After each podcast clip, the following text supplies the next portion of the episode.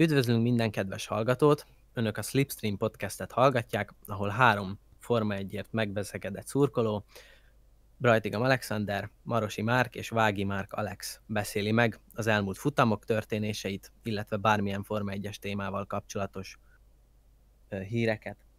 Kezdjük is a japán nagy díjjal. Üdvözlök én is mindenkit, Marosi Márk vagyok, és itt van még velem. Vági Alex. Üdvözlök én is mindenkit, jó estét kívánok mindenkinek. Na, kezdjük is a japán nagydíjat, annak is az első szabad edzését, ahol volt egy nagy újoncunk, vagyis hát kevésbé újoncnak nevezhető, de a Forma 1-ben mindenképp, a Super Formula jelenlegi bajnoka Naoki Yamamoto személyében, aki ugye a Toro Rosso egyik autóját vezethette Pierre Gasly helyett, és hát nem vallott szégyent.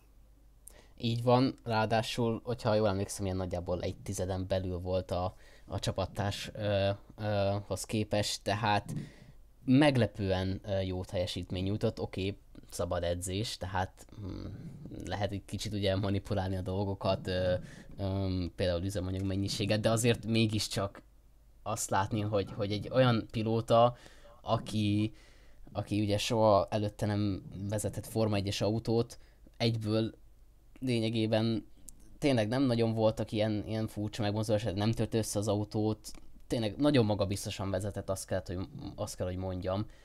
Úgyhogy engem abszolút meggyőzött, és én, én szerintem mindenképpen megérne további teszt lehetőségeket biztosítani számára, hogy akár a jövőben. Uh, igaz, hogy mm, nem ahhoz a korosztályhoz tartozik ő, akit, aki a Forma 1, akit a Forma 1 most ugye nagyon keres, ezek a Lando Norris meg George Russell korúak, hogyha jól tudom, ugye kicsit már idősebb. 31 éves. Így van. Uh, de ettől függetlenül szerintem minimum további teszt lehetőségeket megérdemelne is, akár, hogyha, hogyha úgy tűnik, akkor későbbiekben egy, egy ülést. Hát igen, és ha belegondolunk, azért nem ö, Pierre Gasly volt a csapattársa, aki nem annyira tapasztalt azért a Form 1 hozzáteszük, hogyha jól tudom, ez még csak a második teljes éve, hanem az a Daniel Kviat, aki volt a Red Bullban is, és, és szerzett dobogókat is. Idén Németországban szerzett dobogót a Torrosszóval. És hozzá képest egy tizedre volt. Tehát, hogy azért az egy, nem egy kicsi teljesítmény, sőt, ha nagyon pontosítani akarok, akkor 98 ezred. Tehát jó, el volt maradva körülbelül három másodperc az elmezőntől, de maga az, hogyha megnézzük házon belül ezt az egész csatát, és egy tizeden belül vannak ö, első szabad edzése, tényleg először ül F1-es autóban, de azért annak is köszönhető ez az egy tized, hogy nála jobban ezt a pályát senki nem ismeri jelen pillanatban az F1-es mezőnyből, mert ha így beleveszünk az F1-es mezőnybe. Hát szerintem sokkal többet vezetett, mint eddig Fettel vagy Hamilton összességében az éveik alatt. Egy rendkívül intelligens embernek ismertük így meg, hiszen hisz Pierre Gasly-tól elnézést kért, hogy vezeteti az autóját például. Így van, ez, és ez egy, a, a, egyébként a, a, a csapatrádióban is ugye, ugye így ö, azért visszajelzett bőven a, mű, a mérnököknek mondjuk az angol az, az nem teljesen ö, tisztán érthető, de hát ugye ezt, ezt megszoktuk ö, ö, tőlük, de ettől függetlenül Uh, tényleg bocsánatot kért az ülésért, utána nem tudom, láttátok az interjút, ami utána készült vele, mikor már kim volt az autóból a szabad edzés után, és mondta, hogy nagyon-nagyon köszönjük a lehetőséget a Toro és hogy teljesen el van ájulva, és hogy nagyon jó érzés volt, és tényleg ilyen tipikus uh, japán módjára azért, uh, hát szerintem megmutatta, hogy, hogy igazán megérdemelte ezt, ezt a teszt lehetőséget. És ez Igen. igazából, uh, mondjad csak. Igen, és uh ha belegondolunk, azért ő nem csak egy fronton van, hanem két külön szakákban mondhatni, mert a szuperformulában ugye bajnok volt tavaly, és a Super GT-ben is, és méghozzá nem egy kis, kisebb pilótával, mint Jenson Button. Tehát, hogy azért mondjuk, maradjunk annyiba, hogy nagyon tehetséges pilóta, de azért, de azért kapott is szerencsét rendesen, tehát hogy azért nem mindenféle pilóta fog Jenson Button mellé ülni egy autóban és beáraszta a Super GT-t is, és a Super Formulát is, hogy azért ott nem fakezűek ülnek, és, és igenis tudnak Forma 1 szintű autót is vezetni a legmagasabb szinten.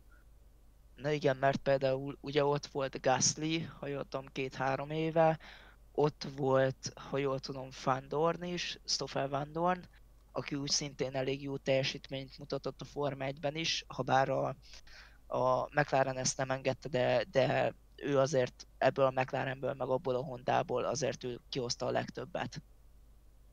Így van, neki ne felejtjük el, hogy Ment Vandornak mennyire nehéz dolga volt Fernando Alonso csapattársaként, azért ő rendkívül magasra tette ugye azt a bizonyos lécet, úgyhogy ö, nem is hát egy kicsit sajnálom, hogy így jött ki neki a lépés, mert amúgy jó, utána most ugye Formula E-ben versenyez, és a Mercedes karolta fel, de egyébként ott meg valahogy nem látom azt, mint amit sokan a Forma 1 vártak tőle. Úgyhogy, mert én azt hittem, hogy mondjuk átmegy a Formula és ott azért, azért verni fogja a mezőny, de nagyjából ilyen egy győzelme volt, vagy, vagy csak egy dobogója, nem is tudom pontosan, de, de tudom, hogy nem, nem, mhm, nem, tehát nem volt annyira kiemelkedő Formula E-ben sajnos. Szerintem Forma 1-ben azért legalább megérdemelt volna még egy idényt, mondjuk úgy, hogy nem Alonso a csapattársa. Öm, meg hát azért a McLaren is pont akkor kezdett el ugye felívelni, mikor, mikor dobták a Hondát, dobták Alonzót, és, és hát ugye Fandon is, Fandonnak is mennie kellett. Um, tehát igen, onnan indultunk, hogy a, a Super GT, uh, vagy Super Formula az azért neves pilótákkal uh, van tel, és így is megmutatják, hogy van létjogosultsága ennek a, ennek a szériának, és kíváncsian várom, hogy a jövőben még milyen nevek kerülhetnek ki onnan. Akkor ugorjunk az FP2-re, ami akár az időméről is dönthetett volna, köszönhetően a Habigis Typhoonnak, ahol még furcsa módon a ferrari volt egy körülbelül fél másodperces hátránya, amit az időmérőre két tizedes előnyé sikerült ö, alakítaniuk. És Sebastian Fettel, hát most már kimondhatóan, hogy visszatért. Ö, ezt nehéz megítélni, mert mm, nem tudom, tehát az autó valószínűleg tehát mindenhol, ahol nem szitták, mert nem készítik, ott mindig azt hozták fel általában érvnek, hogy nem fekszik neki az autó, és erre Weber Gábor azt mondta, hogy nem létezik olyan, hogy hogy van egy pilóta, akinek van egy adott autója, már több mint fél szezonja ugye ezt vezeti, és hogy, hogy nem tudott hozzászokni, és pont most jött az a pont. Egy kicsit túl vagyunk már a szezon felén, de most szerintem elkezdte megérezni, és ne felejtjük el, hogy milyen uh, fontos fejlesztések érkeztek um, akár Szingapur óta is, és igazán ke- on- onnan kezdte el megérezni az autót. Ne kiabáljuk azért még el, mert, mert bőven azért még van pár futam ebből az idényből is, és még még azért ferrari is van mind dolgozni, és hát tudjuk, hogy Fettel azért nem annyira szereti a nyomást, most ezt ki kell mondani, nem nagyon, nem minden helyzetbe tudja a, a vállain cipelni, és, és sokszor van, hogy, hogy összeomlik, de, de úgy gondolom, hogy simán lehet, hogy, hogy most megtalált egy, egy olyan ritmust, vagy, vagy tényleg autóbálítások terén ezekkel a fejlesztésekkel el tudott, menni egy, el tudott menni egy olyan irányba, ami sokkal jobban fekszik neki, mint, mint eddig, és így újra Löklerön felül tud kerekedni. Én azt gondolom, hogy ebben egy érdekes ráncreakció is benne lehet Leclerc, Ferrari és Vettel között. Tehát um, nyári szünet körül úgy észrevettük, hogy azért Leclerc elkezdett úgy kapizsgálni azon az irányon, hogy basszus ez a Forma 1, és itt, és itt nem a kisgyerekek játszanak ki, ez, ez nem a Forma 2, itt, itt tényleg durván keményen kell tolni, ez nem az Alfa Romeo, ahol jó, oké, ügyes voltál, megvan a tizedik hely és kész, itt tényleg keményen, nagyon keményen kell tolni, és ezt ö, Belgiumtól meg is mutatta, tehát ő tényleg nagyon durván taposott ö, Belgium óta, és láthatjuk ezt, hogy Belgium, Olaszország, Szingapur, hogy elképesztő, hogy milyen polpozíciókat szerzett, és szerintem erre kapott Fettel egy kis ideget, hogy, hogy akkor basszus, itt van ez a srác 20, 21 éves vagy 22 éves, eddig végigaradta a szériákat, és lassan egy négyszeres világbajnokot fog lehet, hogy jövőre PP verni, és ezt így nem hagyhatja. Hát azért én a, a PP verést azt még nem tartom ö, el ö, megtörténhető dolognak. Főleg, hogy most a kilenc időmérőn átnyújtott verést is sikerült megakadályoznia, és megverte Löklert. Szerintem én, én azt mondom, hogy most teljesen visszatért. Tehát amit ment Szocsiban a futamon, amit most ment az időmérőn, ha nincs az az elrontott rajt, szerintem a futamot is behúzhatta volna. most úgy körülbelül két azonos szinten lévő versenyzője van a ferrari és ez még szülhet problémát, de jelenleg ennek, ennek nagyon örülni kell Maranellóban.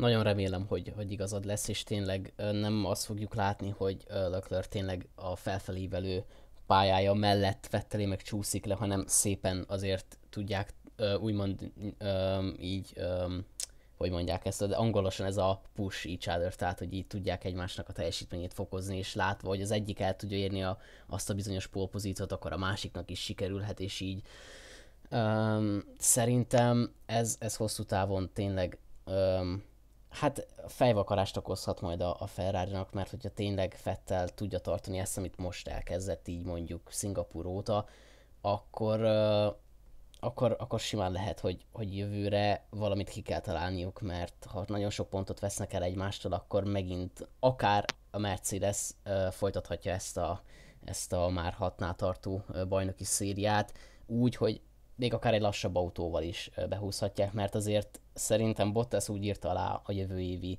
szerződés hosszabbítást, hogy csak legyen ott a Mercedesnél bármi áron, és ha kell, akkor azt már láttuk is, hogy bármikor be tudják Bottas szállítani Hamilton mögé, és um, egyértelmű, hogy azért egy olyan csapatnak mindig előnye lesz, ahol megvan az első és a második számú pilóta, egy olyan csapattal szemben, ahol van két nagyon erős, hát ugye 2007 uh, McLaren vs Ferrari ugye, tehát ott volt a bajnok esélyesként Lewis Hamilton is kezdő évében, mekkora szenzáció lehetett volna, és hát ugye szépen elrabolták egymással a pontokat, bajba keveredtek állandóan, és így uh, tudjuk, hogy Kimi Räikkönen jött ki győztesen.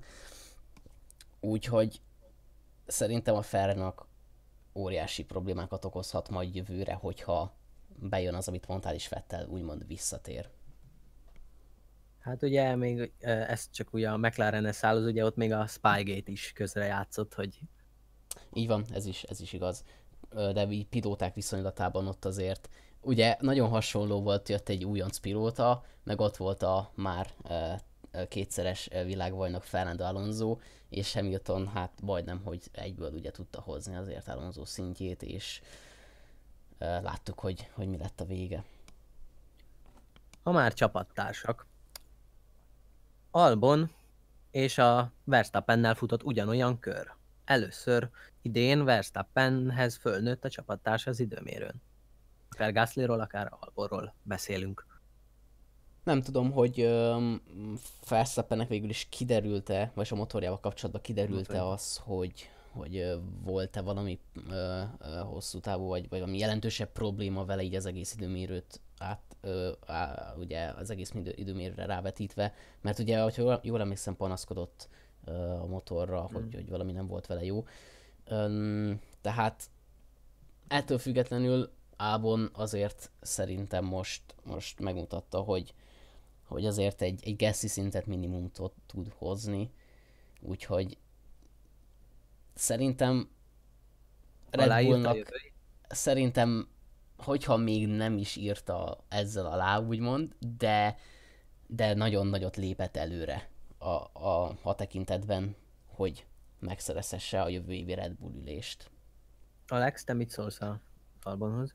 Um, hát körülbelül én is ugyanezt tudom mondani, tehát én, én azt mondom, hogy talán ha valahol igazán el tud dőlni, és ahol talán ki is tudják mondani, hogy, hogy meg lesz Albonnak az ülés, én arra egy usa mondanék. Tehát, hogy ott szerintem azért Hornál meg fogja mondani, hogy jó, hogyha addig tényleg ugyanezt a szintet tudja hozni Albon, mint eddig, akkor, akkor igen, akkor ott meg lesz és azért, ha belegondolunk, Albon eddig is bőven hozta Gasly szintjét, sőt, meg is ugrotta, tehát hogy, tehát, hogy tényleg azért nagy, nagyon-nagyon pariban volt Verstappennel, és um, igen, tehát hogy tényleg nagyon-nagyon együtt voltak Verstappennel, és, és azt mondanám, hogy, hogy itt még lehet egy jó csata jövőre, tehát hogy Verstappen azért viszonylag lehiggadt, de azért benne van még ez a forró fejűség, és, és talán ugyanez, mint Leclercben, de viszont egy másik szemszögből.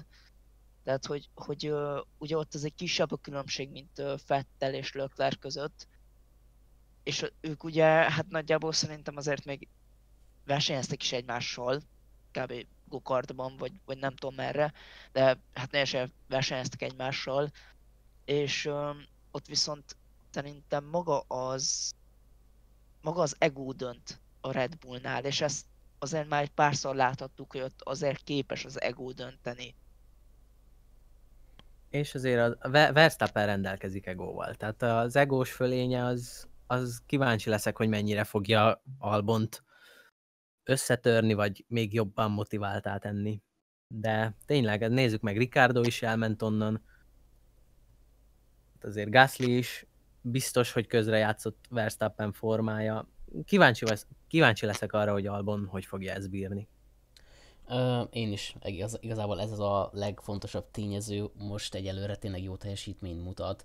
Um, de én viszont Albonnál nem, ugye nem volt annyira kiemelkedő, legalábbis én nem emlékszek annyira kiemelkedő pillanatra az ő Tororosszos karrieréből, mint mondjuk ugye Gasly-nél ott volt egy Bahrain negyedik hely 2018-ban, hogyha nem csal az emlékezetem. És uh, akkor, akkor ott nagyon ünnepelték, ugye, um, és szerintem már ott eldőlt, hogy ő egyébként a Red Bull-val fogja előbb-utóbb folytatni, utána jött ugye Ricardo uh, bejelentése, ettől függetlenül Ábonnak, ha meg is lesz a jövő évi ülés, még szerintem egyáltalán nem biztos, hogy, hogy bírni fogja a nyomást, mert hogyha mondjuk már tényleg nem év vége felé kerül hanem az első versenytől hozni kell Verstappen szintjét, akkor lehet, hogy azért ott, ott um, lesznek még számára úgymond meglepetések, de ez vele jár, mert hát ugye ő is nagyjából olyan sőt szerintem Albon ugye most így kevesebb tapasztalattal került be a Red Bullba, mint Gasly került be tavaly.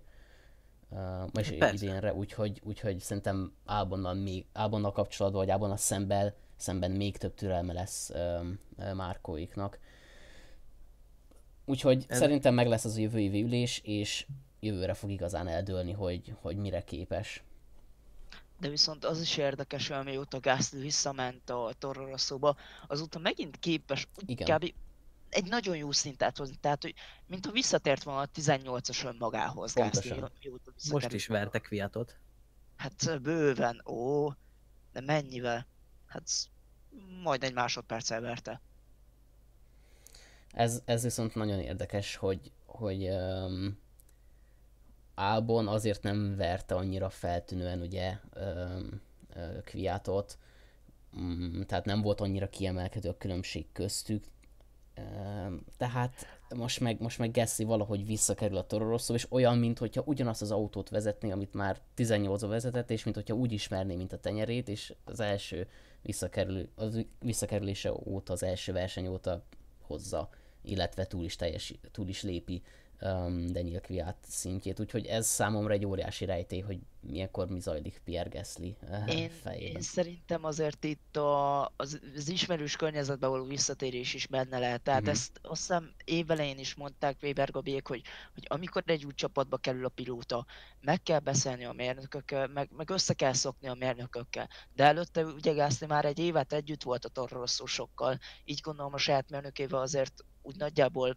mondhatni nem azt mondanám, hogy best friends, de azért elég jól állnak egymás között. Azt, azt, azt érdekes megnézni, hogy mondjuk ha megnézzük azt, hogy Kviatot hogy váltották le, és Gaslit hogy váltották le, és utána Kviat mennyire összezuhant, ugye egy évre rá ki is került a Forma 1-ről, Gasly pedig eléggé megszívta magát, és, és hozza, hozza a jó eredményeket, veri a csapattársát, tényleg nem látszik rajta, hogy összezuhant volna a döntéstől. Így van. Tehát szerintem, meg ugye sokan most így kicsit más területre reflektálva, de sokan ugye, mikor megtörtént ez a csere, akkor sokan mondták, hogy nem Albont kellett volna vinni, hanem Kviatot, de, de Kviat már bizonyított, meg volt a lehetőség a Red Bullban, most igazából nem értettem az értelmét annak, hogy még egyszer Kviatot vinnék vissza, tehát e, szerintem bőven jó döntés volt a Red Bulltól azt, azt meglépni, hogy Albont és Gessit kicserélik, és egyébként erre egyáltalán soha nem fogadtam volna, hogy, hogy Gasly innentől nem összeomlik, mint ahogy mondtad, hanem, hanem éppen az ellenkezője, tehát uh, hozza azt a teljesítményt, amit, amit uh, eddig is a Toro mutatott, sőt, még akár, akár jobbat is.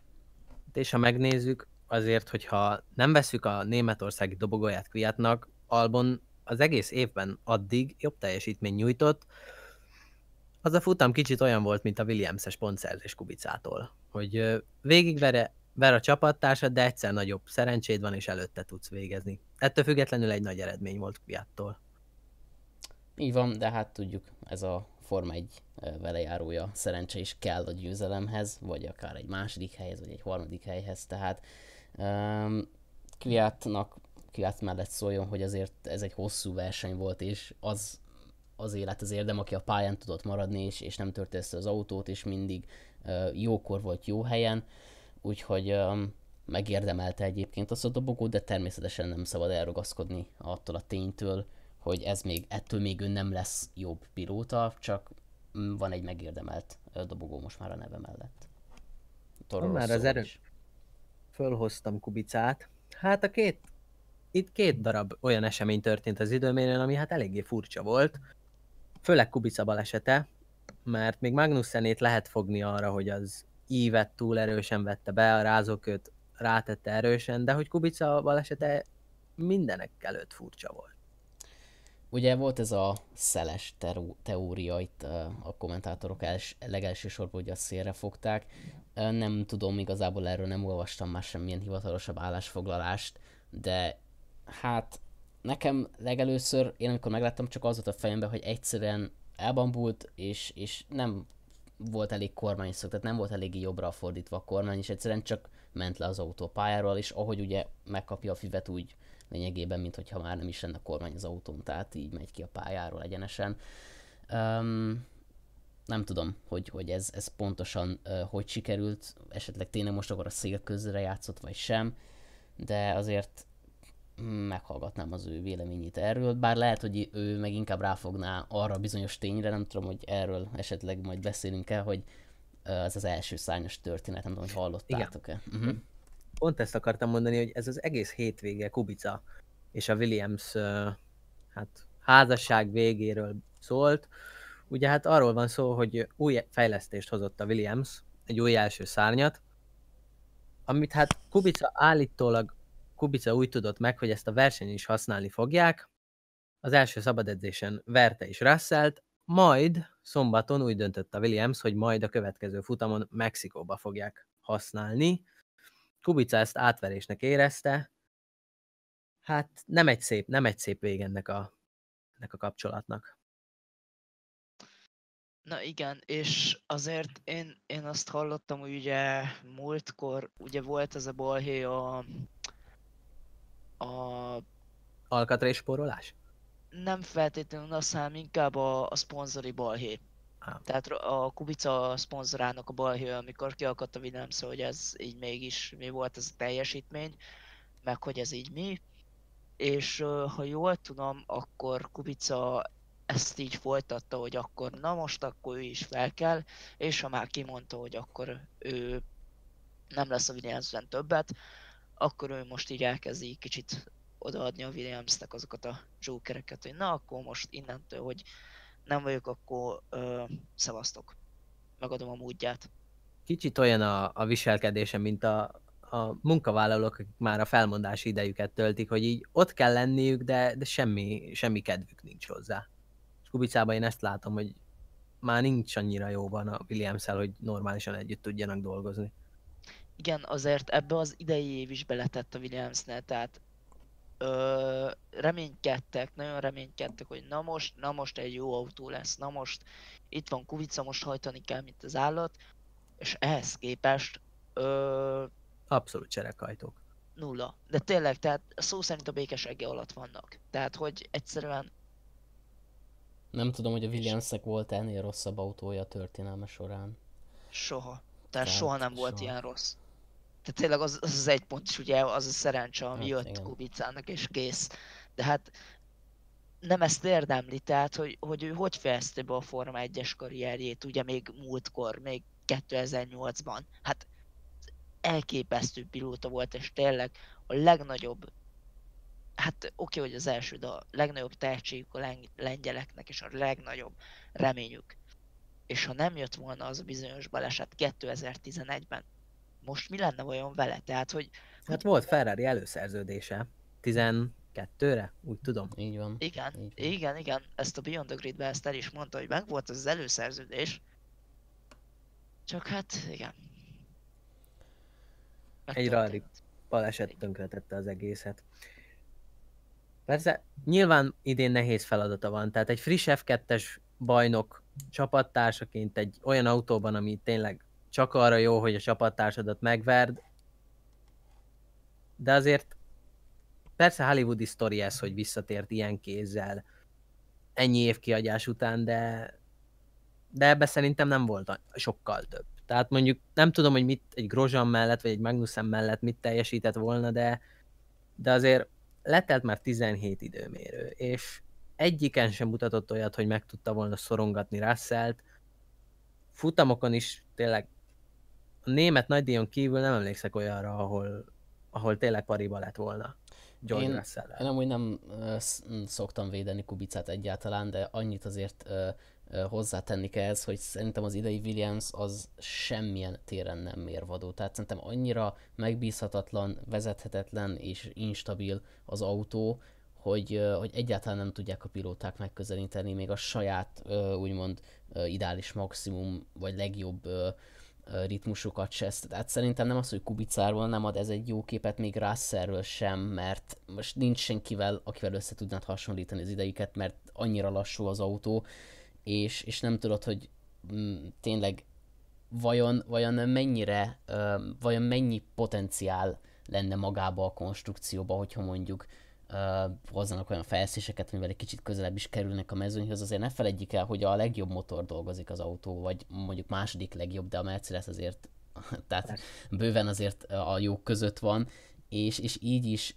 óriási lemaradásuk, tehát ott bőven tervezési és uh, aerodinamikai meg beli problémák uh, lehetnek, vagyis hát gondolom, hogy vannak. Úgyhogy uh, szerintem ez a Williams, ez, ez olyan szinten nem mérvadó, hogy akár azt is el tudom képzelni, hogy, hogy egy, egy, egy Grozan egy, egy Grozan Russell párosnál is hasonlót látnánk, hogy Grozan azért nagyon le van maradva, vagy akár fordítva, hogyha mondjuk Kubicának nem Russell a csapattársa. Szerintem itt a, még ez ilyen kicsit ilyen, kont, ilyen Conteo, vagy nem is tudom, de, de szerintem még két autó között is óriási különbség van a Williamsnél, mert hát ugye spórolnak az alkatrészekkel mindenhol, ahol lehet, egy autóra tesznek csak fejlesztéseket elsősorban, tehát, és tehát nem titok, hogy most kit fognak kedvezni, értemszerűen kinek fognak kedvezni, tehát ez Russell. De... a legnagyobb, a legnagyobb probléma náluk az, hogy még mindig nincs technikai vezetőjük. Tehát Pediló óta nem találtak senkit, aki tudná vezetni a fejlesztéseket. Így van, és hát a, ugye hát kezdődött az egész azzal, hogy ugye Pediló lemondott, akkor elvesztették a főszponzorokat, a, a Martinit, és um, most ez egy kis szubjektív dolog, de szerintem még a legcsúnyább autó is festésre a mezőnybe, tehát nekem abszolút uh, uh, nagyon, tehát egyszerűen a top 10 legcsúnyább közé tenném, pedig sokan nem, de, de én valamiért igen, tehát valamiért nagyon nem jön be ez a fehér, világos, kék kombó. Tehát szponzorok se nagyon van, ugye csak akit így, így mondjuk Kubica, meg a, meg a Russell tud, tud a csapathoz csábítani, de ő önszentából egyik nagyon... Hát a Rocket, a Rocket az Hát igen, az a, a Rocket önszentából, de szerintem az hát nem neves szponzor, tehát a, a Forma 1 ugye először jelentek meg, és most nem, még, még annó felnéztem a weboldalokra, hogy micsoda, és most telefongyártó, mobiltelefongyártó, akiknek van kb. három telefonmodelljük, és így ennyi. Tehát valahogy az is olyas, mint a Rich Energy, tehát így valahonnan van nagyon sok pénz, de igazából van egy termékük, és, és, és, és ennyi. Úgyhogy szponzorok terén állnak jól, az autó az értelmszerűen katasztrofális, és a pilóták és... így nem tudják megmutatni azt, hogy mire lennének képesek. Szerintem Kubica megérdemelt volna egy, egy, egy Renault-s vagy, vagy kicsit jobb csapattal való bemutatkozást, mert, mert itt ez, ez tényleg tündérmesébe illő, hogy, hogy visszatér, de az a baj, ezzel az autóval senki se tudna sokkal jobbat mutatni. És nem is látod a kiutat, tehát ez a Williams ez még egy ideig szerintem ott marad hátul. Hát, hát szerintem ennek a vége az lesz, hogy így kész, tehát hogy még egy pár évig elszenvednek, és kész csődben vagy a csapat. Tehát, hogy, hogy Frank Williams már adja fel, már lassan átadja a lányának, de a lány meg hát ez, amit ő csinál, az egyenlő a nullával. Tehát ő nem, nem tudja ezt a csapatot egyszerűen vezetni. Egyetértek egyébként teljes mértékben, és, és én is ezt akartam egyébként mondani, hogy én azért már elkezdenék játszani a gondolattal, hogy mi van, hogyha két-három év múlva esetleg még mindig nem találnak technikai vezetőt, vagy egy, egy neveses szponzort, mert hogyha mondjuk Kubicát elveszítik, akkor azért jelentős pénzeket is elveszítenek. Az Orlen akkor, az olajgyár akkor az ugye lép. Így van, viszont ugye a, a pilóta, aki, aki uh, jönne a helyére, Latifinek Latifi viszont... viszont így van, nem jutott eszembe a neve, de, de Latifinek azért szintén ugye a, a családja, azt hiszem az édesapja, aki ilyen, ilyen befektetésekkel, meg hasonlókkal foglalkozik, tehát ott... Igen, ő vette meg múltkor, azt hiszem majdnem a izét. Ja nem, nem, bocsánat, azt, azt keverem, az a Zorosznak az apja volt, a, ugye a Racing Pointnak a megvásárlása. Igen, igen, igen, az, az, az más volt. De, de, de Latif is egyébként nagyon hasonló körökben mozog, úgyhogy ott is bőven van pénz, tehát azzal tud, tudja valamennyire ö, ö, kompenzálni Kubica elvesztését a Williams, de, de elsősorban nem is azzal van a baj, hanem mint ahogy mondtad te is, Ali, hogy nincsen technikai vezető. Magnussen balesetéhez van hozzáfűzni valótok, vagy az abszolút versenyzői hibának veszitek? Ugye Magnussen azt mondta, hogy szégyenletes volt, és szégyeli a balesetet. Én Szél is közre játszott. Én, én versenyzői balesetnek mondanám, tehát eh, szerintem felesleges lenne ö, nagyon mélyen elemezni, úgyhogy... Úgyhogy ugorjunk a futamra? mondtad ezt az interjút Magnussen, én egy pillanatra visszatérnék a Kubica balesetre, és az azt követő rádióra, amikor Kubica azt mondta, hogy, hogy a, hát szép szóval mondva, a rohadt életbe ezzel az egésszel. És ezzel nem hiszem, hogy a szerre gondolt, hanem azért arra a szánalmas konstrukcióra, amit a Williams összerakott. És itt visszatérnék arra a kapcsolatromlásra, amit itt folyik a Williams és Kubica között, és itt is megadott egy pontot a Williamsnek, a, na akkor itt rohadjatok meg.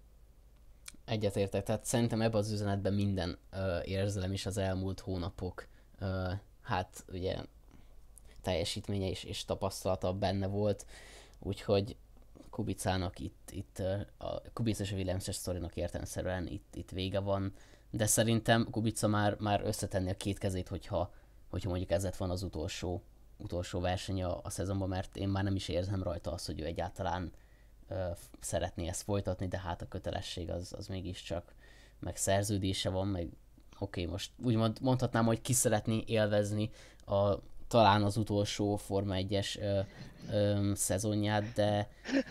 Na de így hogyan? Hát ez az, hogy, hogy így aztán ez, ez egyáltalán nem lett, tehát szerintem simán megfontolja vagy meg fogja fontolni, vagy talán már meg is fontolta, hogy már most ráhagyja az egészet.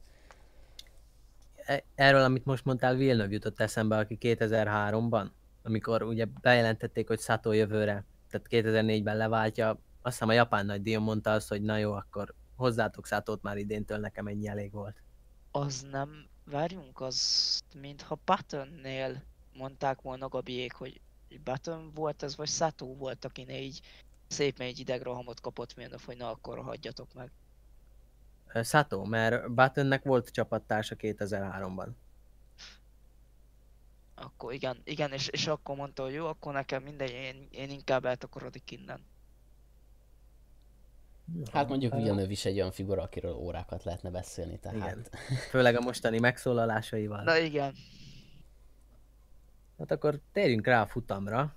Ugye Ferrari első sor, Belgium után másodjára, és hát átvitt értelemben, de a két Ferrari elvette igazából egymással a győzelem lehetőségét. Ugye Fettel kiugrott, ezzel maga rajtját is elrontotta, illetve Löklerket is kiszedte a koncentrálási zónából, és ő is elrontotta. Ugye Bottas el tudott jönni. És milyen az... gyönyörűen. És milyen szépen el tudott jönni, így van. Hamilton megelőzte Löklert és beállt Fettel mögé. Majd ugye jött az első kanyar, Leclerc belül, Verstappen kívül.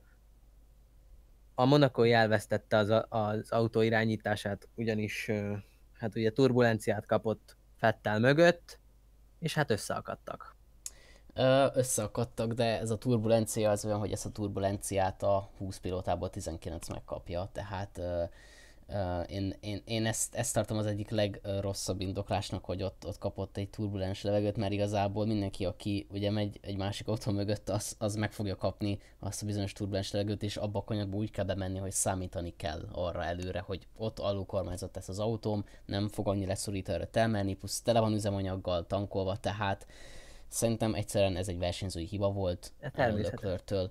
Um, és az, hogy most mire lehet még ezt, ezt ráfogni, persze, oké, okay, ott jó, nem, nem, nem hiszem, hogy ő nem ismerte be, szóval gondolom, hogy beismerte egyből, hogy az ő hibája volt, de tehát gondolom fel sem merült egy pillanatig se, hogy, hogy azt mondja, hogy ő ebben nem volt részese, viszont inkább Max Verstappen reakciója volt a, a, az érdekes, mert ugye abból eset után még nem is borult ki nála a Billy, de amikor szóltak neki, hogy amúgy még csak nem is vizsgálják az esetet, na akkor ott szerintem hozzátéve jogosan ott azért felszólalt.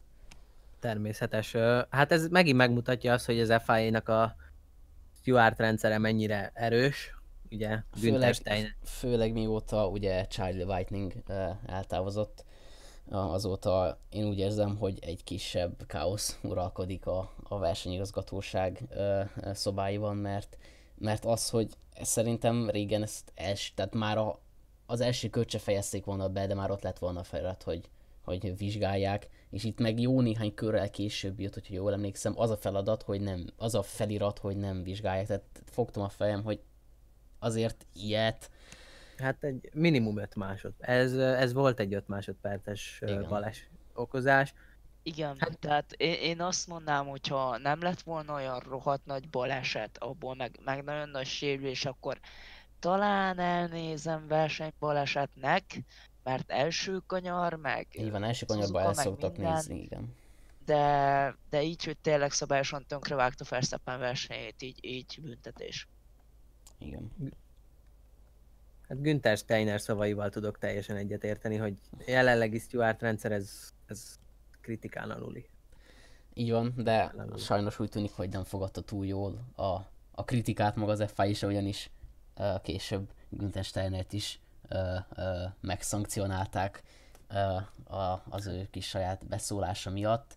Ami szerencsére részben, csak hát, pénzbüntetés. Szerencsére volt. csak pénzbüntetés, így van, de jó, mondjuk ezt nem csapatrádióba kellett volna bemondani a, verseny után, hanem inkább személyesen, egy megbeszélésen, tehát azért ne támadjunk már egymást, szerintem azért már járunk bőven olyan szinten, hogy, hogy ezt, ezt meg, de, vagy a véleményét megtarthatta volna legalább magának, legalább addig, amíg, amíg személyesen nem tudja ezt elmondani, de hát hangoztatni akarta a hangját, és hát meg is itt a levét, mert pénzbüntetés kapott, bár nem hiszem, hogy annyira a földre vitte volna ez a, ez a pénzbüntetés Günther Steinert. Günther Steinerről beszélünk most, nem értem miért vagytok kiakadva a kis Svergyárjával, meg minden, pofaxék, minden, hát ez, nem, nem értem mi vagyunk kiakadva.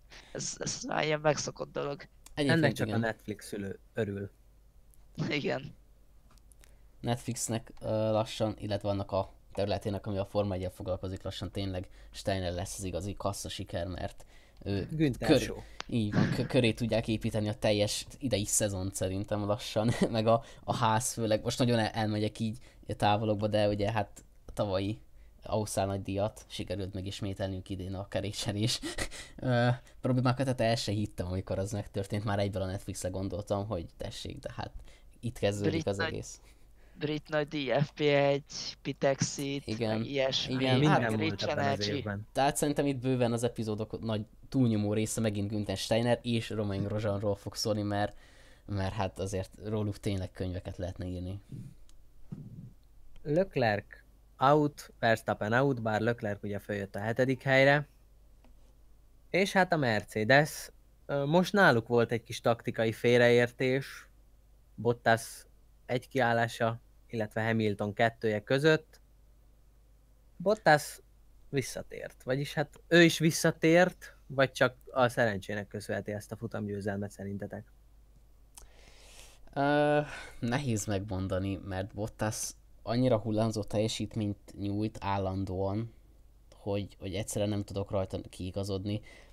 Persze benne volt a szerencse, de azért úgy, úgy mint Fettel um, Oroszországban. Tehát az ére került, és egy olyan tempót tudott diktálni, amit nem tudott tartani még Löklör Most meg ugyanez Bottasszal, tehát nem, oké, itt nem sikerült túl az időmérője, majd mondjuk ugye Oroszországban Fettel szintén a harmadik helyről indult, szóval kicsit lehet párhuzamot vonni. Bottas ugye átvette a vezetést a jó, illetve a Fettel elrontott rajtja miatt, és onnantól viszont attól a ponttól saját tempóval tényleg az egész versenyt. Tehát mint, mint az Ausztrál nagy díjon. Így van, így van, mint az Ausztrál nagy díjon. Um, úgyhogy szerintem Bottas olyan, hogyha megvan hozzá az autója, és az ére kerül, kicsit olyan, mint Fette, hogyha megvan hozzá tényleg az autó, a tökéletes autó, akkor a legjobb napján veri, tehát még akár, akár Hamilton szintjén is ott van. Um, nem mondanám, hogy, hogy visszatért, mert igazából azt sem nagyon mondhatnám, hogy úgy eltűnt. Hogy ott volt. Hát igen, igen tehát hogy ne, nem nagyon tudok rajta kiigazodni, mert tényleg akkor villantja meg a teljesítményét, amikor van egy nagyon jó napja. Tehát ez a kétféle pilóta típuson, akinek van egy nagyon jó napja, és tényleg jó autó, és jó rajta van, és akkor van egy nagyon jó versenye, meg van az, aki kicsit úgy, úgy visszafogottabb, de azért minden versenyen konzisztensen tudja hozni azt, a, azt az elvárt teljesítményt magától. magától. Szerintem Bottas inkább abba a kategóriába tartozik, hogy kell neki egy nagyon jó nap ahhoz, hogy... Bottasszal, Bottasszal igazából az a baj, hogy a 21 futamból van neki 5 vagy 6, ahol tényleg Hamilton, Hamilton verő szintet is tud hozni, de hát ez pont jó egy másodpilótának. Tehát Csak nem én... tudom, hogy mennyire szeretne másodpilótai szerepbe lenni. Hát a nyilatkozaté alapján semennyire. Na igen, tehát hogy, hogy nekem meg viszont pont ez a bajom Bottasszal, hogy, hogy most van három jó futama idén, meg négy futama, és akkor ő kb. úgy nyilatkozik, mintha ő lenne kb. a világbajnok. Így van, tehát ez a csapatrádió is. Oké, az évelén, még amikor mondta, hogy hogy uh, to who, whom it may concern, stb. ismerjük, akkor én azt gondoltam, hogy oké, okay, Bottas most lehet, hogy tényleg talált valamit, vagy, vagy úgy érzi, hogy, hogy ez most jó lesz, és tényleg azt hittem, hogy azért tudja tartani a lépést legalább ilyen szezon feléig, ilyen, ilyen brit, német, magyar nagy díj, de hát nagyon lemaradt a bajnokságban már nagyon hamar. Hát körülbelül négy futam. Tehát Igen. Azerbajdzsánban nyert utoljára, és utána igen, tehát nem ott, ott még érthető volt a csapatrádiós üzenet, de most, most elég erőltetett volt, és, és szerintem, szerintem nem nagyon mutatott olyan teljesítményt, ami, ami tényleg ki, amiért kiárt volna ez a, ez a James It's Valtteri.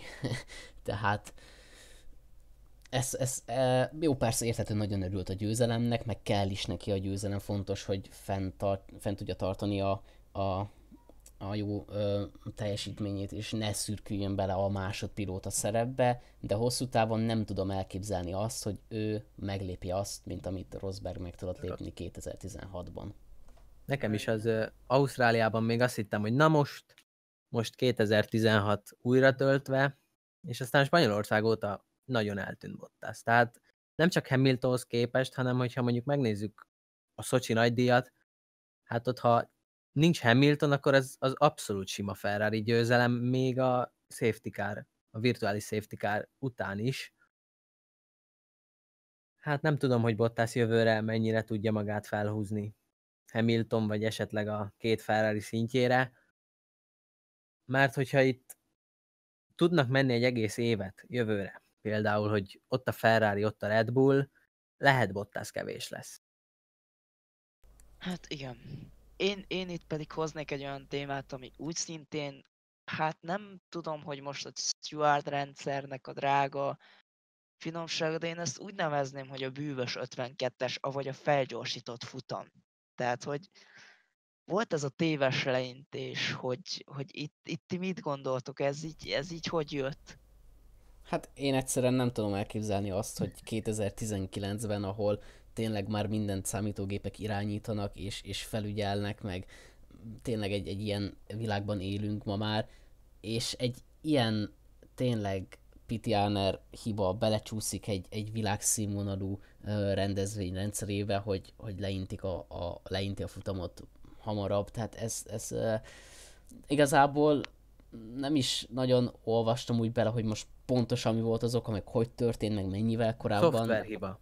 szoftverhibát mondogattak, Igen, hogy ez, az hát e- ennyit tudok én is, hogy, hogy, hogy a, a rendszer, ugye az, az valahogy úgy döntött, hogy akkor ő most, ő most leinti a versenyt, és hogy nem volt igazi kockás zászló, hanem a, kive, azokon a kis kijelzőkön volt talán, úgyhogy és ugye ezért végül is ugye Perez kiesése nem is számított Igen, kiesésnek. Igen. Tehát, Perez köszönte szépen. igen, tehát nem tudom felfogni, hogy ez, ez, ez hogyan történhetett meg, mert amikor ugye volt a Kanada, Kanada, Kanadában nagy díj 2018-ban, és ott ugye hát emberi ö, hiba történt, tehát valaki azt mondta, ö, hogy hívják azt a, azt a hölgyet? Így van neki, hogy hogy ö, incse le a futamot, akkor az oké emberi hiba volt, mert, mert benézték. De itt, itt, itt maga a rendszer döntött úgy, hogy oké, akkor most vége a versenynek, és, és lett volna még kör. Én, én erre azt mondanám, hogy ez, ez egy nagyon hülye ötlet, azt tudom, de én azt mondanám, hogy én innentől kezdve egy olyan szabályt hoznék, hogy csak és kizárólag akkor vetnék véget a futamot, ha mind a kettő fent van, tehát a tábla is és a zászló is. Ez nem rossz ötlet. Tehát ez, ez Tehát ha mind a nem. kettő fönt van, akkor onnantól kezdve vége a versenynek. Ha ott valaki elcseszi, akkor, akkor igen, emberi hiba. Tehát ott, hogyha mind a kettőt elcseszi valaki, akkor már tényleg egy ritka nagy gyökérnek kell lenni. Hát ö, 1998 brit nagydíj, amikor ugye Schumacher kapott egy stop and go büntetést, és letöltött az utolsó körben. Úr, hát abból akkora botrányok, vagy nem is botrány, nem, ugye kérdőjelek merültek fel, de annyi, hogy nem is nagyon sokat kellett várni ugye ott a, a végső döntés, hogy most pontosan ki nyerte a versenyt, mert Negyed nem volt, felkész, nem volt felkészülve a, a Forma 1 rendszere arra, hogy valaki egy kicsit más ö, döntést hoz, és, és kijön a boxba, és letölti a büntetését, de közben ott már átszelte a célvonalat, tehát ö, jó, akkor persze nem voltak erre felkészülve, történt egy olyan dolog, amire tényleg így előre nem nagyon gondolna az ember, tanultak belőle, de, de azért szerintem ez, ez most mutatja, hogy még mindig tele van a, a rendszer ilyen, ilyesmi hibákkal, úgyhogy ezt, ezt, ezt én nem nagyon tudtam elhinni, hogy ez, ez még megtörténhet ma is. Bottas visszakapta Szi- Szingapurt, vagyis hát a, a taktika most Bottas mellett volt. Hamilton kiakadását ti jogosnak vélitek, vagy azért ekkora előnnyel, plusz azért tegyük hozzá, azért nem akkora hibát követett el a Mercedes. Jogos volt? Hamilton... Nem hiszem. Nem, Tehát, nem. tehát én, én azt mondanám, hogy, hogy igenis vissza kellett ezt már kapnia, ha már egyszer megígérte James, hogy igenis visszafogja, akkor nem hiszem, hogy el kellett volna játszani Oroszország 2018-at, mert ott is, ha jól tudom, akkor elhitette Bottas, hogy na majd egyszer visszakapja, na majd egyszer. Aztán ugye tudjuk, mikor kapta vissza, de innentől kezdve ezt, ezt nem hiszem, hogy ez itt jogos lenne Hamiltonnak az a fajta kiagadása, hogy most mi az, hogy Bottas nyert. Miközben ugye megnyerték a konstruktőri bajnoki címet, Hamiltonnak a kívánsága teljesült, mert, ő, mert az ő lett a leggyorsabb kör, tehát hamilton sokszor nem tudom megérteni, hogy, hogy vannak ezek a random kiakadásai, és tehát én is egyetértek egyébként Alexel, hogy, hogy ez, ez, ez nem, hát tehát nem volt jogos Hamilton kiakadása egyáltalán, Bottasé volt, ő vezette a versenyt, egyáltalán hogy merül fel az, hogy, hogy most érted, Hamiltonnak alapból sérült volt az autója, le volt a visszapillantó tükör, a stratégiai hátrányba került már alapból ezzel, hogy jelentősen lemaradt. Tehát nem is értem, hogy hogy merült fel benne az, hogy, hogy ezt valahogy vissza kéne fordítani, vagy, vagy csapat utasítás, vagy bármi. Tehát szerintem itt, itt szó se lehetett volna ilyenről. Bottas ezt, ezt megérdemelten nyerte meg. Volt egy nagyon jó rajt, és onnantól tényleg autózta azt, amit, amit kellett ahhoz, hogy meglegyen ez a futamgyőzelem. Ugye a stratégiával kapcsolatban volt még Hamiltonnak a, a, a, a Egy vagy két felszólalása. Így van, hogy egy vagy két kiállás, és hogy Hamilton ugye jobban ment volna, az, az egy, jobban hajlott az egy kiállás felé, hogy egyből a ke- keményet kapja meg.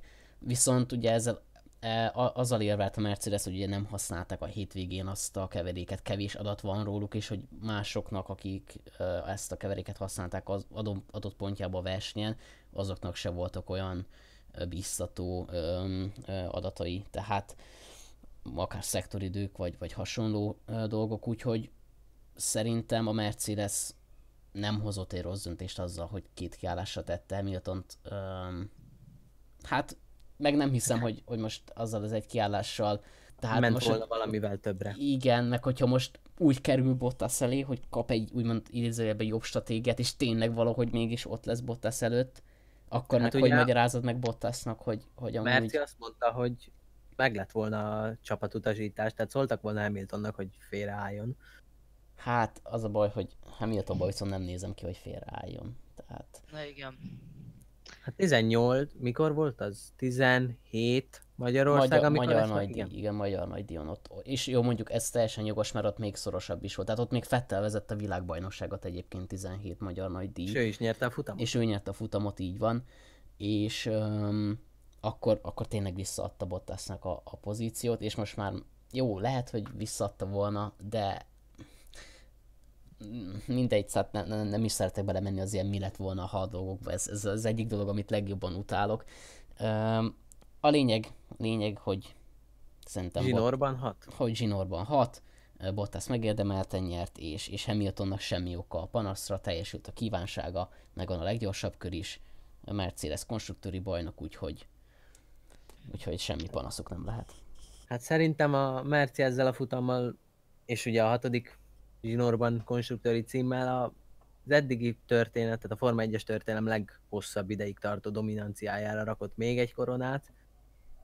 És még fog is, tehát hogy, hogy azért ugye jövőre nem változik ugye a formula, a motorformula, tehát hogy szinte biztos, hogy Mercedes dominancia lesz.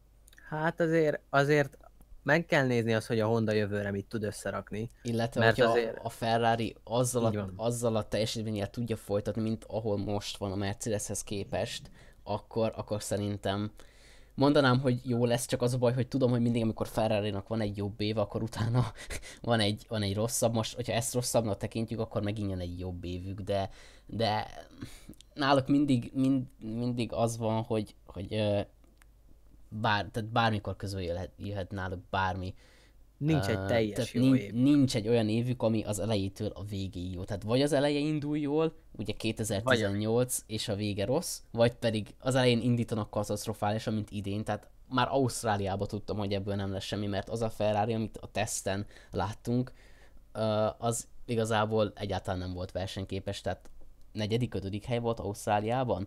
Úgyhogy, Igen, Verstappen is megelőzte Úgyhogy az, az, az, az nagyon lesújtó volt számomra, hogy oké, okay, utána Bahreinben azért megmutatták, ott meg volt az egy-kettő ugye az időmérőn, de, de hosszú távon azért, mire a Ferrari megtalálta magát, tehát Szingapúr, jó, mondjuk kicsit hamarabb ugye nyári szünet után már ugye elkezdeni a versenyeket, de az mondjuk tényleg azért, mert pálya karakterisztika miatt, tehát az a pálya azok papírformából jöttek a, a Ferrari-nak, de a Szingapúr óriási meglepetés volt, Szocsi óriási meglepetés lett volna, vagy hát így is az volt, Japán is végül is, úgyhogy szerintem a Ferrari most talált valamit, de ez egyáltalán nem jelenti azt, hogy jövőre ezt, ezt így tudják folytatni. Nagyon reménykedem, és a legjobb az lenne, hogyha egy Mercedes, Ferrari és Red Bull ö, ö, csata folyna a bajnoki címért. Hármas csatát még úgyis ré, hát nem is emlékszek olyanra, amikor három csapat. Ja de, 2003. Tehát már 16 éve van annak, amikor igazából három csapat tudott közdeni a VB-ért. Um, 2010-ben ugye még több um, csapat, tehát ott volt ugye bajnok esélyesként az utolsó futamon Fettel is, Webber is, Ham, Hamilton, meg Alonso. Fettel, Webber, Hamilton, Alonso, bár abban az évben inkább csak Alonso, tehát a Ferrari nem volt még VB esélyes, csak Igen, igen. Ott csak, a, ott csak a pilóták, így van, ott csak a pilóták tekintetében volt több esélyes, de, de csapatok terén tényleg nagyon-nagyon régen volt már ilyen. Én, én bizakodó vagyok. Én, én látom a Red Bullba is, talán a, Honda, a Hondába főleg, hogy még azért tudnak fejlődni. Na igen, mert ott, ott azért most a Red Bull azért nagyon nagy szabadságot adott meg a Hondának a McLarenhez képest, tehát ő, ők tényleg azért úgy, úgy rendesen engedik, hogy fejleszten a Honda. Mert olyan McLarennél meg az volt, hogy nagyon-nagyon sürgették meg, hogy hát mi vagyunk a McLaren, mi, mi egy nagy történelmi csapat vagyunk, meg minden, és nem lehet, hogy ilyen borzalmas teljesítményt nyújtsunk illetve az volt még ugye, hogy nem adtak szabad között a Hondának a tervezésbe, tehát odaadták konkrétan a, adtak az, nekik egy kasznit, adtak igen. nekik egy, a, egy tervet arról, hogy hogy néz ki a kaszni, és oda préseljétek be a motort. és hát ebből ugye az lett, hogy konkrétan már 2018-as teszt úgy kezdődött, hogy konkrétan le volt égve a motorborítás Alonso autóján az első kör után, mert egyszerűen annyira össze volt sűrítve minden, hogy egy kör után túlmelegedett az egész rendszer. Szóval um, nem is És az nem pedig is már a. Renault volt. Tehát Í- így 18 van, így van, az már Renault volt, bocsi, és még ott is azért voltak ilyen, ilyen problémák. Most McLarennél szerencsére ugye volt egy váltás, uh, új szakemberek érkeztek, és, és uh, uh, András Seidel, és, és úgy gondolom, hogy ő azért most úgy tűnik, hogy, hogy nagyon jó pályára helyezte a McLaren-t. Szerintem jövőre bőven ott lehetnek a, a, a Red Bull sarkában. És hát utána én- pedig- utána pedig a Mercedes, Mercedes. és van. remélem, hogy felfelé ível most a McLarennek majd a pályája, mert, mert amit 2015 óta látunk, az, az hát egyáltalán nem volt Hát szép. már inkább 13. Tehát már a, a Perezes sztori is úgy ment, hogy Igen, igen, jöttek, és, és Perez majdnem ott eltörte ugye a karrierjét. így És van. kapott egy olyan autót, ami abszolút középmezőny. Ugye 14-ben még a Mercedes motor úgy, ahogy kisegítette őket. Igen, ott még dobogó is volt, hogyha jól tudom. Magnussen. Eh, Magnussen-től. Magnussen-től így van.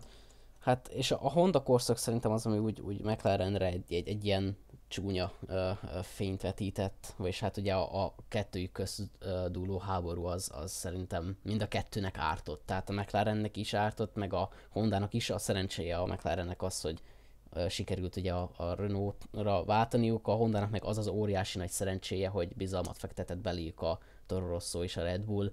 Úgyhogy így mindenki jól járt, ez egy ilyen win-win sit- situation volt. Nálatok még van valami, amit a futamról megbeszélnétek? vagy... Igen. Tehát ha már, ha már ugye volt ez a Leclerc Verstappen baleset, akkor én ezt úgy jellemezném címszóval, hogy milyen az az érzés, amikor, a, amikor egy ikonikus kanyar elveszti a jelentőségét. Vagyis ö, az a bizonyos 130 es eset Leclerc-kel, amikor félkézei csak úgy lazán bevette, és mondták, hogy új üzé menő meg mind, akkor így megszólja Martin Brando, hogy oké, okay, azért bazeg, ez mégiscsak egy 130-szer, és azért mégse így kéne így időzősen lenézni. Tehát, hogy, hogy amikor tényleg ő két kézzel izé visszafékezve át, alig tudta bevenni a kanyart, és akkor egy ilyen Leclerc 30 év múlva, és akkor így lazán így bevesz egy fél, fél kézzel a kanyart. Hát ezen, ezen, ezen változtatni kéne. Tehát ugye- mm, igazából ez, ez egy nagyon kétélű penge, tehát most vagy csinálsz egy olyan autót, amit nehezebb vezetni, és, és tényleg fizikai kihívásokat nyújt, de akkor azért jelentősen lassulna a, a, a sport, és, és az nem, tehát a Forma 1 tudod, hogy most tudjátok, hogy most már nagyon a média, tehát meg amerikai tulajdonosok, és szerintem ők abszolút arra mennek rá, hogy, hogy azért maradjon is, is gyors. Uh, igen. Hát Tehát- 2021 legfőbb dolga szerintem az, hogy nehezebb legyen a vezetni valóság.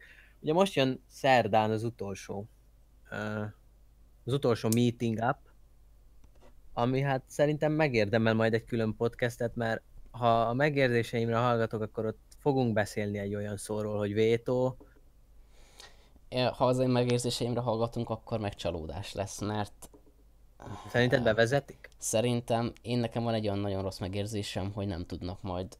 Hát igazából ugye az FI fog döntést hozni, tehát a csapatok annyira ebben nem szólhatnak bele. Van egy minimális mm, mm, mm, úgymond bele szólásuk, de, de ha az FI azt mondja, hogy szabályváltoztatás, akkor szabályváltoztatás lesz mindenképpen. Hát Viszont- kivéve, hogyha a Ferrari ugye Hát, vétózik. hogyha, hogyha és- vétózik a Ferrari, Hát igen. nagyon mondják. Tehát, Nagyon- nagyon Már mondják, a Ferrari úgyhogy- is mondta, hogy nem használná, de Igen. hogyha kell, akkor... itt a részletek, Igen. itt a részletekben vannak ugye úgymond elásva az ilyen dolgok, tehát például a ferrari mióta lenne, mióta néznek ki, hogyha a Ferrari vagy akár egy Mercedes egységesített alkatrészeket használna. Tehát például ez az első, ami nagy csapatoknak egyáltalán nem érdeke. Aztán ma olvastam, hogy a Pirelli most meg visszamondta ezt a szabályváltoztatás, hogy a gumimelegítő papla, paplanok eltűnnének, igen, és azt, hogy, azt, azt vissza. hogy, hogy ö, mégiscsak maradjanak meg azok a paplanok legalább az év első felére 2021-ben, hogy segítsék az átállást. Ez így szokott kezdődni, mindenki egy kicsit ö, szeretne saját javára módosítani, mindenki egy kicsit most kevesebbet változtatna először, mindenki egy kicsit visszafogna a dolgokból, és akkor ennek általában az a vége, hogy jó, akkor maradjunk a jelenlegi formulánál. És hát azért az is felmerül, hogy egyáltalán az idei változtatások hoztak-e javulást az előzések terén. Nem láttam még statisztikát. Hát én egy-kettőt olvastam. Van olyan pálya, ahol abszolút, tehát vannak olyan helyzetek, ahol mondjuk a DRS előzések aránya nagyon csökkent, míg az előzések nem biztos, de a DRS-esek azok vajmin csökkentek, de volt egy-két pálya, ahol kevesebb előzés volt, mint tavaly. Tehát ez ilyen 50-50, tehát hol Aha. itt jó, hol ott jó. Igen, tehát nem tudom, hogy mi lesz ezekből a, a szabályokból, de szerintem, meg ez a másik dolog, ö, 2019 október közepén járunk, és 2021-ről fognak szabályt hozni. Szerintem itt nincsen több halasztási lehetőség, sőt, én azt gondolom, hogy egy, egy ideális világban már nyáron megszületett volna a végső döntés, és ők is úgy tervezték, hogy azért akkorra már be lesz lengetve, de mindig tolták, tolták, és, és október közepén járunk, amikor már a jövő évi autók szinte kész vannak a tervező asztalon, meg elkezdik ugye már legyártani az, az első alkatrészeket, tehát már azért ilyenkor bőven dolgoznak az emberek azon, hogy a 2021-es szabályváltoztatás, és gondolom minden csapatnak megvan a saját kis mérnök csapata, akik, akik ezekkel foglalkoznak, de konkrétumok nélkül Konkrétumok nélkül nehéz. nehéz, igen, és, És és én- én- szerintem ez nem fog Én nem is tenni. látom. Tehát, hogy én most tényleg azt érzem, hogy ha még meg is szavazzák, ugye állítólag úgy van, hogy négy csapat szeretné, a Williams, az Alfa Romeo, aztán a Renault. Hát én nagyon, én azt érzem, hogy szerdán tényleg, ha még meg is szavazzák, de a Ferrari tuti vétózni fog, és, és ez egy nagy, nagy ö, nap lesz, mert én százszerzelék biztosra veszem azt, hogy itt lesz vétó. Én most valamiért ebbe biztos vagyok. Hát akkor nagyjából úgy hasonlóak a megérzéseink. Aztán utána majd kíváncsi leszek, hogy Chase Carey, az egész Liberty, Rose Brown és esetleg Zsantott ehhez hogy fog viszonyulni, mert az egy nagyon komoly politikai vereség lenne. Hogyha most itt jöttek az új ötleteikkel, meg minden, és a Ferrari pedig azt mondja, hogy no, no, ez így nem fog menni. És alapból mi a véleményetek a szabályváltoztatásra, tehát magáról, a szívóhatás visszahozásáról? Hát, én azzal, hogy ahogy kinéznének az autók, azzal abszolút egyetértek. Tehát legyen szívóhatás, legyen ground effect, régen is volt, most is, viszont a megvalósítás az, ami nálam abszolút, abszolút, hát nem gyerekes, de ilyen, most ezt minek? Tehát nézzük meg a többi versenyt. Nézzük meg a formulát, nézzük meg az indikárt, vagy a szuperformulát. Mindenhol ugye van az egységesítés, amit te mondtál, az indikárban ugye egy kaszni van, a szuperformulában is. Igazából egy olyan sportág van, motorsport, ahol teljes, teljes, még nem is teljes mérnöki szabadság van, és ö, autódiverzitások. Ugye az a Forma 1. Na most a Liberty itt jön ezzel a közös gépátvétel ötlettel, közös váltó, fék, még pár aerodinamikai jelkedrészt is mondtak, nálam ez abszolút nem Forma 1 szint. Tehát én nem, nem szidom le az indikárt, a, a elképesztő nagy motorsport, de hogy úgy legyünk őszinték, hogyha mondjuk a szuperformulát és az indikárt úgy vetjük össze, hogy elveszük az ovált az indikártól, akkor nem látok bennük olyan, olyan különlegességet, ami a Forma 1-ben van, ez pedig a, az autók közti különbség és a, a sokszínűség. Tehát én ezeket a közös alkatrészeket úgy, ahogy van, elítélem. Nem tudom ti, hogy vélekedtek róla. Ú, erős kérdés, tehát, hogy uh, ugye ha nézzük a Forma 2-t is, ugye ott is az egységesítés van. És ott is milyen gyönyörű futamokat szoktunk látni, és, és mindenki mondja, hogy, hogy ez hiányzik, és azt nem tudom, hogyha ugyanez volt meg 2005-ben is, meg korábban is, korábbi időszakokban, akkor nem, nem értem, mi az, ami ide hozhatta ezt a versenyt, hogy, hogy ennyire lesülyeztette például a csaták, meg hogy a DRS meg minden. Hát És egyrészt nyilván- a Pirelli, ugye? Igen. Másrészt a motorok. Tehát, hogy, Harmadrészt pedig az autó kinézete. Ugye az aerodinamikai függés, ez Igen. hatalmas. igen. Tehát, hogy ö, nem tudom. Tehát, hogy Egy fontos Az- dolgot azért szerintem ne felejtsünk el, hogy miért akarnak egységesített alkatrészeket. Ugye Költségcsökkentés. így van, Ugye? költségcsökkentés, és hogy a kis csapatokat a Forma 1-ben tudják tartani, esetleg újakat bevonzani, azzal, hogy, hogy értemszerűen kevesebbet kellene költeni az autókra, és ugye maga a gumimelegítő paplanos történet is ugyanehhez kapcsolódik, tehát jelentősen próbálnak csökkenteni a költségeken, de még mindig azt mondom, hogy ez a Forma 1, és ez azért a Forma 1, hogy, hogy a határa csillagos ég. Csak hát... Legyenek különbségek, legyen több autó, több mérnöki megoldás. csak ez ellentmond ugye, hogy legyen több csapat, de óriási költségek merülnek fel, mert most, most melyik azok a gyártók, akik még annyi pénzt tudnak Forma 1 áldozni. A Mercedes szerintem nagyon szerencsés helyzetben van, hogy időben elkezdték, ugye még 13-ban is, vagy ma jóval előtte, tehát 10-ben mondjuk Schumacherrel, és, és 13-ban már ugye meg volt Hamilton, és onnantól szépen felívelt a, a pályájuk, de egy random megérkező kis csapat akár hasonló támogatottsággal, mint egy autómárkát képviselve a Mercedes, megérkezne a Forma 1 szerintem ezt megismételni nagyon-nagyon nehéz lenne, vagy szinte lehetetlen. Tehát ott van a ház példája, azért Ferrari segítséget kapnak, ö, ott is van azért pénz, és, és nem tudnak egyszerűen még a középmezőny elejére se, se odaérni, sőt épp, hogy szerintem évről évre rosszabbak.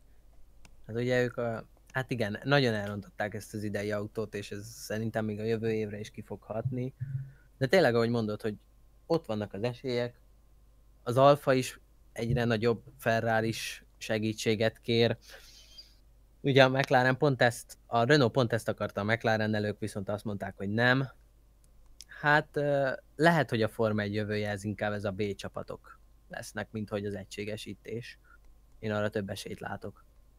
Meg hát ugye itt van a financial cap is, és hogy, hogy erről mit gondolunk, ugye ez a, ez a költségvetési sapka, hogy ugye ez is az a, a költségcsökkentés, meg minden, és hogy mégis ugyan, ugyanaz a célja, hogy a kis csapatok bejöjjenek, de nem tudom, hogy milyen áron, tehát hogy ugye a Mercedes például ugye tavaly, tavaly volt azt hiszem, amikor elérte az 1000 lóerőt a motorral. Hát az, az se két filler volt, azért gondolom, az se kicsivel lépte túl a költségvetési sapkának az összegét. Persze, hát voltak ilyen számítások arról, hogy, hogy mennyit költenek ugye a csapatok, és hol van a grafikonon bejelölve, hogy egyébként hol lenne a költségsapka, és hát oké, okay, Force India, vagy bocsánat, Racing Point, vagy, vagy uh, Alfa Romeo, vagy, vagy Williams, azok ott vannak a költségsapka körül, de, Tehát ugye de a Mercedes, a Ferrari, Red Bull, ezek jelentős mértékben túllépik költségekbe azt, amit, tehát, tehát meg volt konkrétan egy szám, nem akarok hülyeséget mondani, ezért nem is mondok semmit, hogy mennyi embert kéne elbocsátani a Mercedesnek, meg a Ferrari-nak, és hány részlegét kéne bezárnia ahhoz, hogy bent tudjon maradni a költségsapkába, és a második, hogy ezt mennyire lehetne pontosan ellenőrizni. Hát nézd, igazából, hogyha megnézzük, régebben is voltam nagy költés, tehát például a Toyota akkori árfolyam- árfolyamon 2000-es évek elején évi 400-ot költött arra, hogy a motort és a kasznit rendbe hozzák.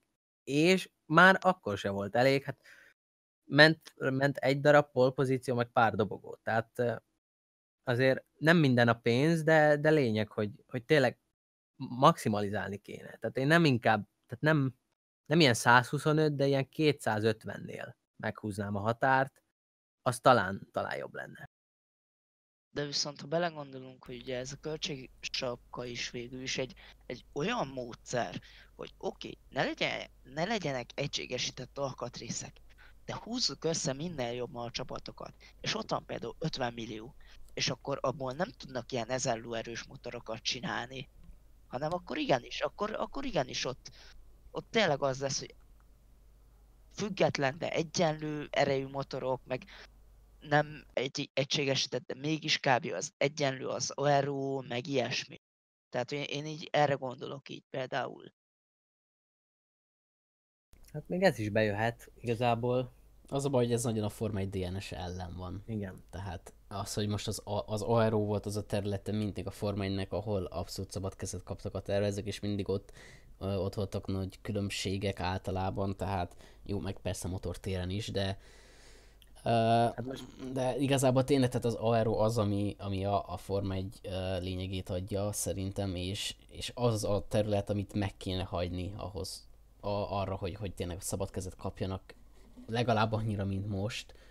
Hát meg képzeld el mondjuk, hogy Colin Chapman, vagy, vagy Enzo Ferrari így mit szólna ahhoz, ha azt mondanák neki, hogy hát akkor innentől mondjuk ugyanolyan a hátsó szár. Hát Enzo Ferrari elég egyetemű reakciója lenne, kiléptene a, kiléptetni a csapatot a Forma 1-ből, tehát tudjuk mennyire radikális uh, uh, típusú ember volt, úgyhogy ő nem is gondolkodna, szerintem egy percnél többet uh, kiszállnának az egészből. A legnagyobb uh, tervező volt a 60-as, 70-es években, szóval hát érdekes lesz ez a szerda.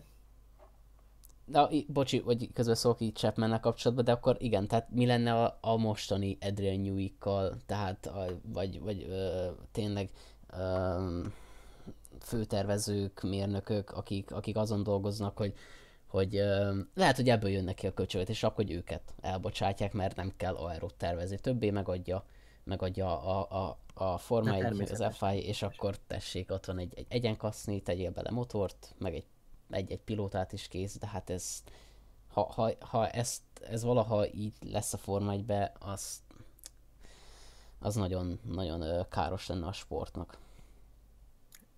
Hát igen, tehát hogy én értem, hogy az indikár izgalmasabb, értem, hogy a Formula 2 is jobb, de nem kell mindig most ez lehet, hogy picit bántóan fog hangzani az amerikai motorsport fanoknak, de nem kell mindig követni a tömeget.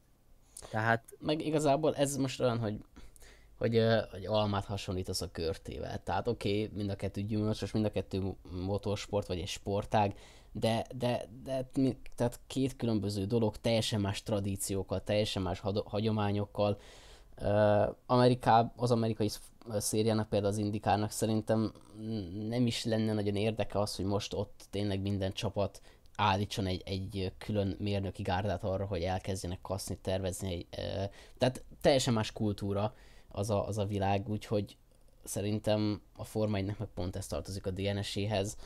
Úgyhogy le, igen, sokan amúgy ezt hozzák fel érvnek, hogy mennyire jó, hogy az indikárban ugye egyen azt hogy sokkal izgalmasabb a versenyzés.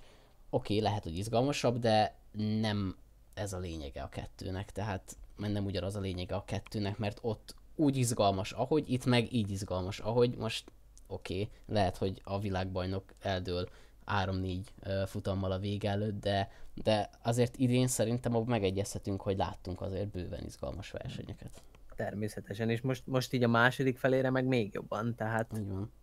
ha ezt az egész évet jövőre tudnák hozni, akkor Szerintem semmi probléma nem lenne. Igen, szerintem fontosabb, hogy legyenek erős ö, csapatok és, és pilóták, mint az, hogy most egyen kaszni, tehát inkább a csapatokat kéne támogatni pont azzal, hogy, hogy nem az, hogy költségsapkát vezetnek be, hanem a kisebb csapatoknak valamiféle támogatást nyújtani. Tehát pont a, az ellenkezőit csinálnám.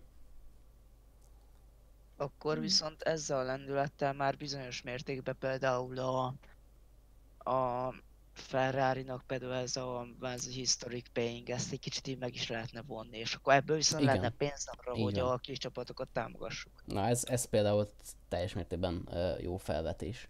Azt hallottam, hogy a, arról le, lemondaná. Vagyis hát nem lemondanának, de hajlanak a, a megbeszélésekre.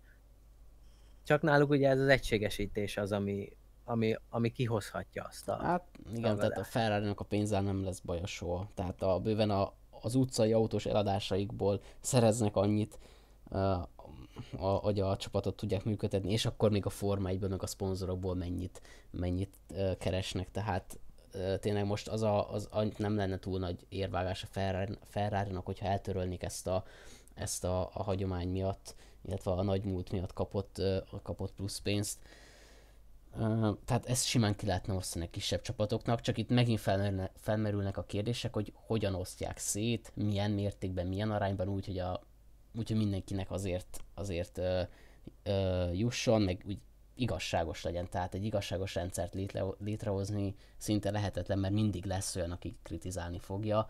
És hát a Forma 1 az, az részben politika is, tudjuk, hogy csapatok szeretnek szövetkezni egymással, és szerintem ezt is akár meg lehetne úgymond pucsolni, hogy, hogy, hogy ne, ne tudják bevezetni ezt a, ezt a kis csapatok támogatását. Hát szerintem megbeszéltünk mindent Japánról, Igen. illetve előre láthatólag ugye a szerdai napról. Köszönöm nektek a részvételt, a nézőknek is a figyelmet. Két hét múlva a japán tengerpartról a mexikói hegyekbe megyünk, 2000 méterrel a tengerszint felett. Hát ez a verseny is tartogat izgalmakat. Mm, Köszönjük a figyelmet, Brajtigam Alexandert, Marosi Márkot és Vág, Vági Márk Alexet hallották a viszonthallásra. Viszont hallásra, hello, hello. Viszont hallásra, sziasztok!